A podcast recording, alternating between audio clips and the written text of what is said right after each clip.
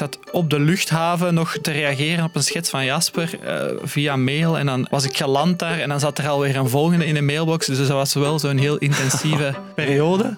Hier ontdek je bijzondere verhalen. De bevolking was niet akkoord met het stadsbestuur van toen. En uh, ze hebben het stadsbestuur gewoon op verdieping uit het raam gegooid. Verhalen die het stadhuis van Leuven uniek maken. Dat is een fantastische plek. Ook voor ons, de eerste keer dat je daar binnenstapt, dat is echt uh, de soort van tijdreiservaring die je in elk historisch bezoek zou willen. Verhalen die de komende 600 jaar zullen overleven. Die historische foto's, dat was dramatisch. Daar stonden eigenlijk nog twee gebouwen min of meer overeind. Dat was de Sint-Pieterskerk en het stadhuis, het voorhuis.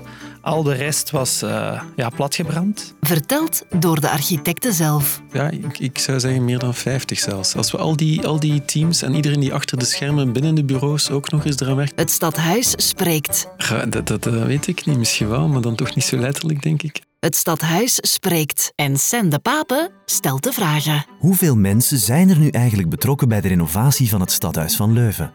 Kwamen enorm goede ideeën soms ook uit verrassende hoek?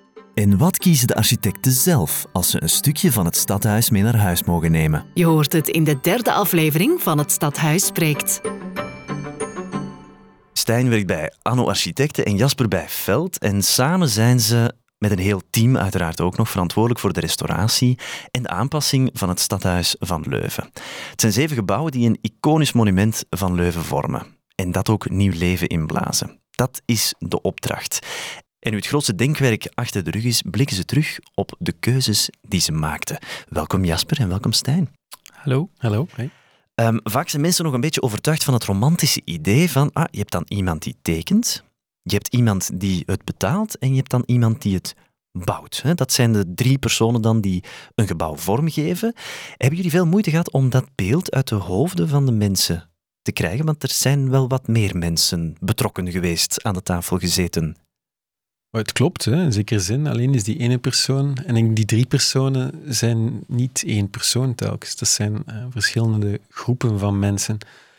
Um, ik denk dat dat gaandeweg... Grote groepen. Ja, in dit geval wel. Um, ik zei het daarnet nog, we hebben niet één klant. Uh, dus de stad zou, is onze klant. Of onze, maar er zijn zoveel mensen betrokken.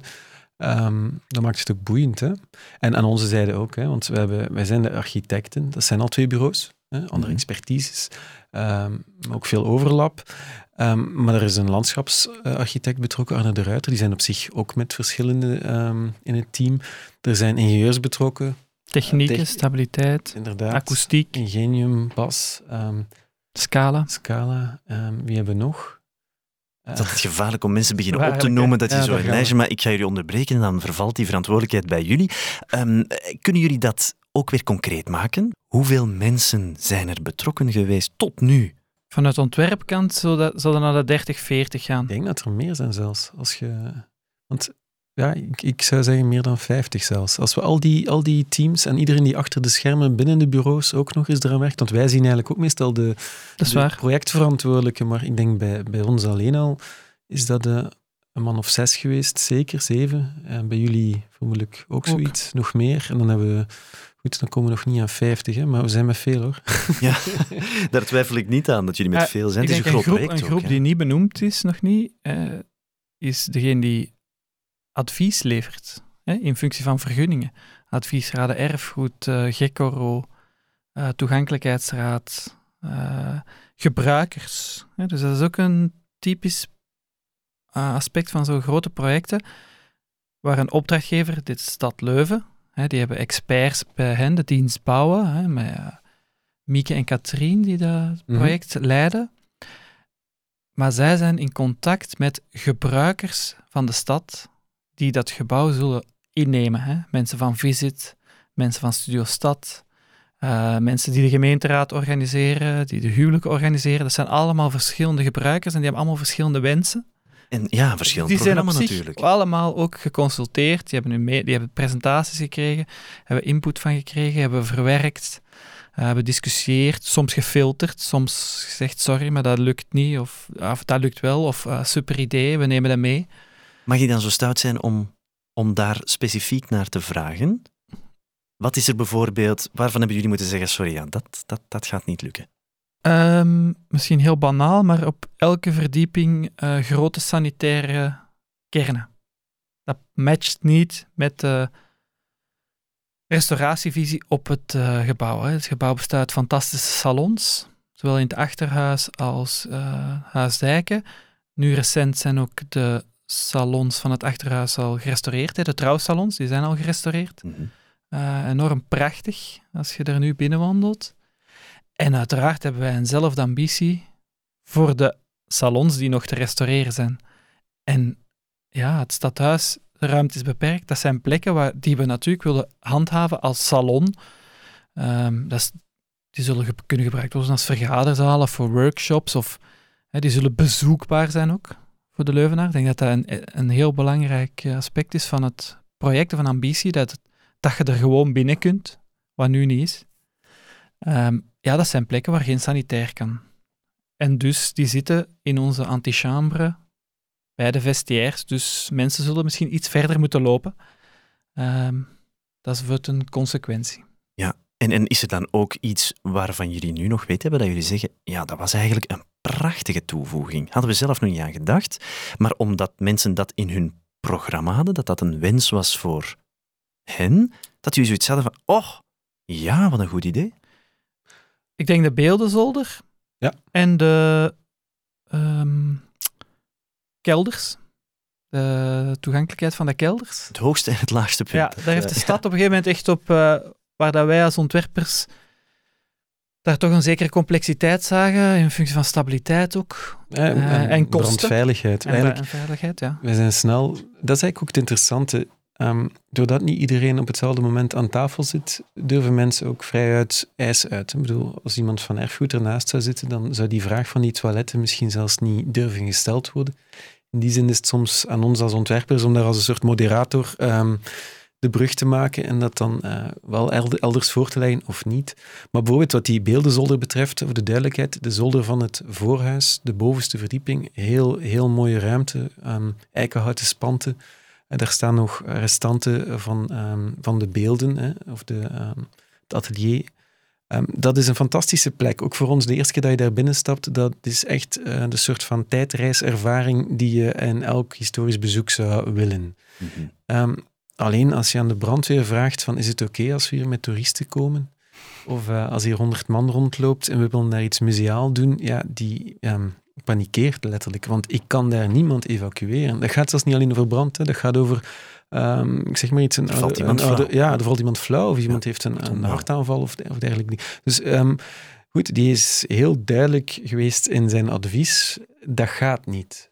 Ja. Natuurlijk, als de stad die vraag blijft stellen, dan moeten wij die mensen ook nog eens uitdagen en de architecten van de stad daarbij. En dus um, we zijn daar nog steeds mee bezig, maar we gaan ervoor zorgen, in samenspraak dat, daar, uh, dat die kan bezocht worden. Misschien beperkt, hè, een soort compromis weliswaar.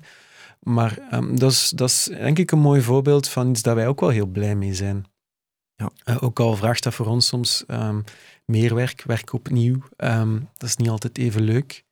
Maar als het eindresultaat er beter van wordt, ja, dan gaan we dat ons ook niet beklagen.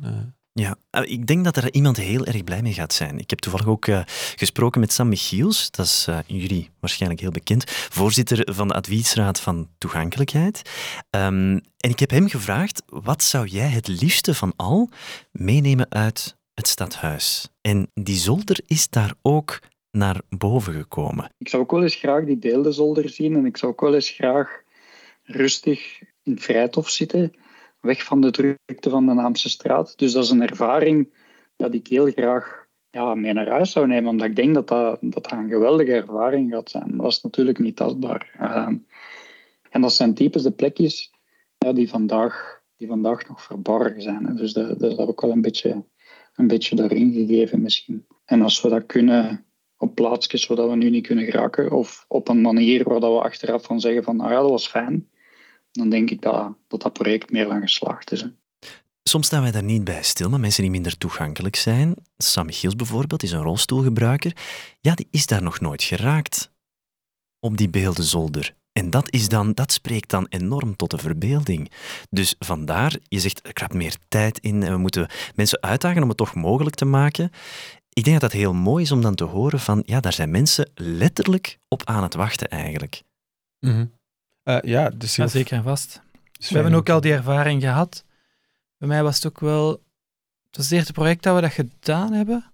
Eh, dus met de groep van Anne Heilige, professor Anne Heilige en eh, Peter Willem Vermeers. Hebben we een aantal mensen met een beperking of met een, ja, een achtergrond, een, iemand die slechtziend was of een rolstoelgebruiker of mensen met autisme, die ervaren die ruimtes allemaal op andere manieren. En die hebben andere noden of andere verwachtingen. Eh, en ze zijn met die gebruikers eh, door de bestaande gebouwen gegaan. En die hebben een soort eh, ja, verslag gemaakt, Foto, met foto's, maar ook textueel. We hebben ook met verschillende van die mensen gesproken. En dat gaf ons ontwerpers ook wel een, een, een dieper inzicht, uiteraard, in en wel bepaalde problematiek. Maar ook een soort besef, het beleven van een ruimte is voor iedereen anders. Eh, maar is ook een soort boeiende manier om over zo'n gebouw te denken. Hoe, oké, een salon restaureren, eh, fijn, maar welke sfeer wil dat hebben? Hoe klinkt die ruimte? Eh, tactiliteit, kleurstellingen. Dus dat komt dan weer heel dicht bij, ook bij esthetiek, een soort, ja, gewoon een mooie ruimte concipiëren. Maar daar zit ook een laag, of die beslissingen hebben ook een invloed op hoe mensen die ruimte zullen ervaren. En die is misschien heel verschillend. Ehm, dus dat is denk ik ook wel een verrijking geweest in het proces, ehm, die ook wel bepaalde keuzes heeft gestuurd. Eh, ja, realistisch ook, zullen we niet voor al die verschillende mensen ehm, het perfecte, de perfecte oplossing hebben. Maar Nee, en dan zeker niet. En dat is denk ik het spanningsveld, hè, omdat het niet over een nieuwbouw gaat. Wij moeten al die wensen ehm, proberen realiseren binnen de context van een beschermd monument. Die moeten daarmee compatibel het klinkt zijn. misschien raar, maar die, die, dat gebouw heeft ook rechten. Hè? En zo voelt het eigenlijk Mhm. soms wel, ook in het debat, en zo voelt het ook, eh, denk ik, voor mij persoonlijk, ik kan mij enorm storen. En dat is misschien niet leuk voor ehm, Sam om dat te horen, maar aan de, dat halfslachtig toegevoegd ehm, hellend vlak, dat daar soms eh, die drie trapjes in een mooie ruimte moet overbruggen. En ik denk, misschien zit de essentie wel in dat halfslachtig. Wat dat wij hier proberen Ja. te doen, is ehm, niet dat soort van compromissen te vinden, maar eigenlijk zoveel mogelijk ehm, die zaken op tijd mee te nemen, eh, die dialoog op tijd op te starten met de mensen van erfgoed eventueel zelfs mee aan tafel.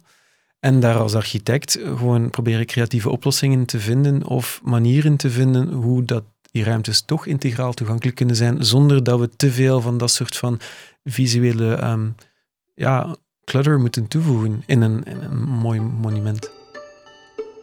Het stadhuis spreekt. Ik ben Anne en ik gids al 25 jaar in de stad Leuven. Als je nu bijvoorbeeld de trouwzaal toont, dan heb je toch wel regelmatig dat er dan mensen zijn die daar getrouwd zijn. Ooit in die trouwzaal. Dat is natuurlijk mijn reactie. Ga je terug op die stoelen zetten, hè? ervaar nog eens. En toen, het antwoord dat ik altijd krijg is van... Ja, we hebben toen helemaal niet gekeken, nog naar de schilderijen, nog, naar de imposante tafel. Ja, we hadden toen wel een ander, andere bezonjes. We waren wel met iets anders bezig. Sam heeft het ook over het, het Vrijthof. Daarvoor hebben jullie ook samengewerkt met, daar hebben jullie daarnet ook verteld, ehm, met Arne de Ruiter. Hoe is die samenwerking verlopen en is daar toegankelijkheid ook in naar boven gekomen? Dat was voor Sam ook een van de plekken waarvan hij zei, ja, goh, als ik daar nu met mijn rolstoel ook effectief van kan genieten, even naar dat rustpuntje dat je vindt tussen de zeven gebouwen in eigenlijk. Hoe, hoe was die samenwerking? Die samenwerking is goed. Wij kennen Arne ook eh, persoonlijk goed. En hij zit daar natuurlijk ook niet alleen op. Heeft ook zijn team. Ehm, dus zeker eh, fijn samenwerken. En ik denk dat het resultaat er ook absoluut mag zijn. Maar hij zit er nu natuurlijk niet bij, dus ik spreek namens hem. Maar ik denk dat hij ook zal bevestigen dat het geen makkelijke opgave was. Hè? Dus wat dat wij zeggen over ehm, alles moet kloppen en voor iedereen moet het kloppen. Ik denk de kwestie Vrijthof was op dat vlak eh, ook een goed voorbeeld. Ehm, Er is ook heel veel, heel veel wensen rond. Hè. Dus aan de ene kant is het fantastische verborgen parel. Weinig Leuvenaars kennen die. Voor mij was het ook een ontdekking eigenlijk, als Leuvenaar, om die te, te mogen vinden. Ehm, dus een heel stille plek. Tegelijkertijd zit er een soort archeologische laag onder. Hè. Dus van huizen die van voor de bouw van het stadhuis dateren. Ehm, Maar er zijn vragen rond biodiversiteit, klimaatopwarming, hitte-eilandeffect. Dus uh, door het vergroenen van zo'n plek draagde ook bij op stedelijk niveau aan, een, uh, aan die eisen. En wateropvang en al die zaken. Dus dat, dat is een soort programma dat er zit. En dan het integraal toegankelijk maken, omdat wij natuurlijk het, uh, het fantastische idee of ambitie hadden geuit om te zeggen, ah, als we nu eens van de Naamse straat een soort diagonale doorsteek kunnen maken naar het achterhuis en kunnen vanuit daaruit ook naar die antichambre gaan. Hoe fantastisch is dat niet? Want dat, dat is in Leuven, het DNA van Leuven of de Naamse straat, met al die colleges, het Hollands College en, eh, van, die, van die fantastische gebouwen, is dat ook aanwezig. Daar heb je allemaal fantastische gebouwen en dan kun je altijd via hofjes verder de bouwblokken doordringen. Alleen om een of andere reden is dat bij dat eerste huis, om zo te zeggen, dat stadhuis aan de Naamse straat, nog niet het geval. Dus het was in wedstrijd al een soort ambitie we gaan dat doen. Ja, ook om die gelijkvloerse verdieping nog meer deel uit te maken, of te laten uitmaken van de stad, leek ons dat fijn, die doorsteek. Maar mhm. goed, concreet, uh, er zit een hoogteverschil op van, ik denk dat meter. een meter dertig, denk ik. Ja, meter dertig. Dat is wel wat. En als je dat, dat dan heel veel, uh, moet overbruggen met, met hellingen, ja goed, dan... Um, als je daar niet grondig op ontwerpt, dan kan het ertoe leiden dat je dat groen karakter en eigenlijk de, de kwaliteiten van dat binnenplek aan het opgeven bent in functie van een ander idee. Um, en ik, ik, denk het interessante aan het idee dat je binnen het ontwerpteam en met Arne ook ontstaan is, is dat samen te integreren. Dus in de, de, eerste ontwerpen waren veel meer, we hebben een groene plek en dan daarnaast een hellingsbaan, een soort scheiden bijna van die twee werelden. Uh, maar door een beter inzicht in die, die uitdaging rond toegankelijkheid en, en de belevingswereld daarvan, heeft, uh, is Arne met het idee gekomen, laat ons die vermengen en laat ons een soort scenografisch pad door het, groen. door het groen maken. Echt letterlijk, dat, voor, dat in essentie voor iedereen hetzelfde pad is. Dat iemand in een rolstoel of iemand met een, met een buggy, hè, uh, ouders met, met, kind, met jonge kinderen, ook niet het gevoel hebben van, ah ja, nu moeten wij langs de, het aparte trajectje. Nee, iedereen gaat via datzelfde traject, meandert op een manier door dat Vrijthof Daardoor verandert je blikveld ook constant, hè, omdat je een beetje gestuurd wordt soms met je blik naar het achterhuis, soms met je blik naar de conserverij, conserverij soms naar de, de klerkenkamers. Wat op zich een heel interessant uh, nieuwe toevoeging is, of een, uh, een nieuw inzicht. Hè, dus. Ja, en ik denk dat uh, het ontwerp dat er nu ligt, slaagt daar ook wel in. Um, en dat tegelijkertijd, het is niet dat infrastructureel plein, nog die hellings, typische hellingsbaan, Um, het is um, een plek van traagheid en dat zit ook wel in dat, in dat wandelen, maar dat past bij de identiteit van die plek die het ook vandaag heeft. En ook dus, niet het ehm, krampachtig vasthouden aan misschien een historische laag. dus uh, dat is wat het nu een beetje is. Uh, zo dat jaren tachtig idee van we hebben uh, ergens bouwsporen onder de grond zitten en die moeten dan op een of andere manier gevisualiseerd worden. Soms heeft dat zin, hè, soms heeft dat zeker zijn waarde om dat ook te doen op zo'n vrijtof waar één of ander middeleeuws huis gestaan heeft, waar we eigenlijk niet goed het belang van weten, om dat op een soort heel letterlijke manier, een soort muurtjes te metsen, zoals het nu gebeurd is, of haagjes te zetten. Niemand leest dat vandaag. Hè? Dus je staat op dat vrijtof en je ziet daar van alles, maar, maar niemand begrijpt het. Dus daar hebben we ook met de, met de mensen van erfgoed uh, debat geopend en ze stonden daar ook voor open, ook omdat het allemaal onderzocht is. Er zijn ook heel veel archeologische sporen al weggehaald in de jaren tachtig. Uh, en we, we, we hogen eigenlijk op. dus we verstoren niet de ondergrond, maar we hogen op. Uh, en ontstaat de kans om een ander ontwerp te doen, dat veel meer aansluit bij hedendaagse noden. Ja, en dat zorgt ook weer voor die ontmoetingen, waar we het mhm. in een vorige aflevering over gehad hebben. Iedereen kan binnenkomen via Corps de Garde en een persoon die daar ja, de openingsuren van de stad Schouwburg komt vragen, die ziet daar plotseling een trouwstoet passeren, want die moeten daar ook langs. Maar dat is evenzeer enorm belangrijk natuurlijk voor mensen met een minder goede toegankelijkheid, dat zij dezelfde weg kunnen volgen als eender wie anders. Dat zij niet langs het achterhuis moeten, dat zij niet langs een andere ingang moeten, moeten binnengebracht eh, worden. de diagonale oversteek over het uh, Vrijthof is ook de link tussen de antichambre en de, het nieuwe café, hè, Café Shop, we hebben het ook al over gehad. En is voor de kenners, hè, ik noem, dat zijn dan de Leuvenaars, dat zullen misschien minder de toeristen zijn die die, die, die passage zullen gebruiken, maar iemand die snel naar een gemeenteraad moet, uh, die kan daar de shortcut nemen en een soort, hij heeft een soort discrete toegang tot, uh, tot een lift en kan dan naar de hoger gelegen verdiepingen, of iemand die naar een vergadering moet van Studio Stad, uh, of andersom, kan uh, langs daar buiten gaan. En het is ook nog steeds uh, meer dan vandaag, een soort verblijfsplek. Ik bedoel, langs het pad zijn bankjes geïntegreerd, er zijn verbredingen in dat pad.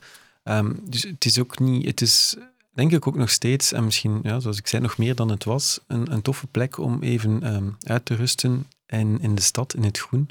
Niet groot, maar dat hoeft ook niet groot te zijn. Nu, de laatste vraag die ik jullie allebei graag zou willen stellen, is mogelijk ook de moeilijkste. Iedereen die ik gesproken heb, vond dat ook de moeilijkste. Uh, het is dezelfde vraag als waarop het antwoord van Sam was, het Vrijthof en de Beeldenzolder.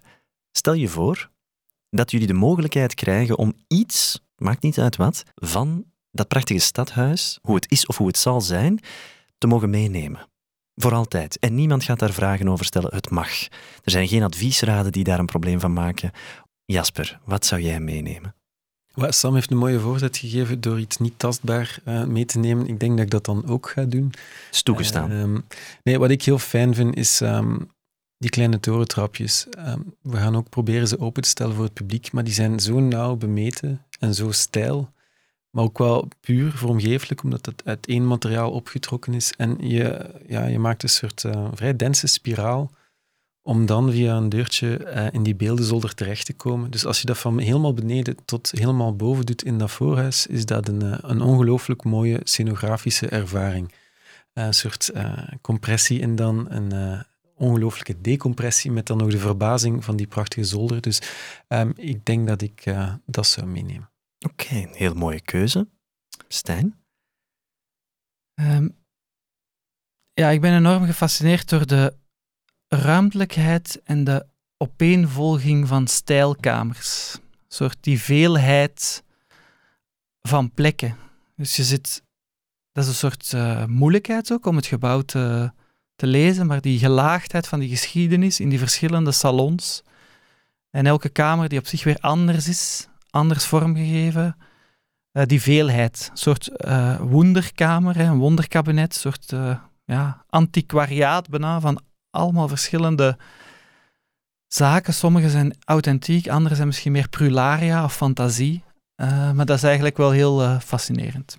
De veelheid. De veelheid, ja, meenemen. neem ik mee. Dank jullie wel. Dank je wel, Stijn. Dankjewel Jasper. Voor jullie tijd, de tijd die jullie hebben ingestoken, dat zijn al enkele uren geweest. Er komen nog heel wat uren aan ook. Um, en dan heb ik het uiteraard niet alleen maar over de tijd die jullie met mij gespendeerd hebben om deze podcast vorm te geven en om alle informatie ook zo duidelijk te willen vertellen. Um, de tijd die hier in het stadhuis gaat kruipen, die gaat ook nog tellen, want het is nog niet af. Maar dat is op zich logisch. Als je iets bouwt dat mogelijk de komende 600 jaar ook nog moet doorstaan, moet overleven. En dat hij daar dan nu ook best wat tijd en moeite en vooral wat liefde aan spendeert en investeert, dat lijkt mij alleen maar de juiste keuze. En dat is uh, me nu wel heel duidelijk dat dat hetgene is wat jullie ook dagdagelijks aan het doen zijn en zullen blijven doen. Dus dank je wel daarvoor. Ja, ook bedankt. Ja, graag gedaan. Het stadhuis spreekt. Ja, op zich is dat heel fascinerend dat het omdraait. Uh, mm -hmm. En ook, ook misschien een geruststelling. Hè? Dat, dat, dat verandering op een gegeven moment ook wordt omarmd. Met verhalen die het stadhuis van Leuven uniek maken. Want dat ziet er toch veel ouder uit? Of dat was dan ook wel ergens Dat was dan ook effectief de bedoeling, ja, ja, En die de komende 600 jaar zullen overleven. Dat er nog renovaties gaan komen. Dus de renovatie na ons, over, over 50 jaar, over 100 jaar. Dus. En zij gaan dan iets vinden van ons, zoals wij iets vonden van de architecten voor ons. Beluister ook aflevering 1 en 2 van deze podcast. Nu beschikbaar via je favoriete podcast-app.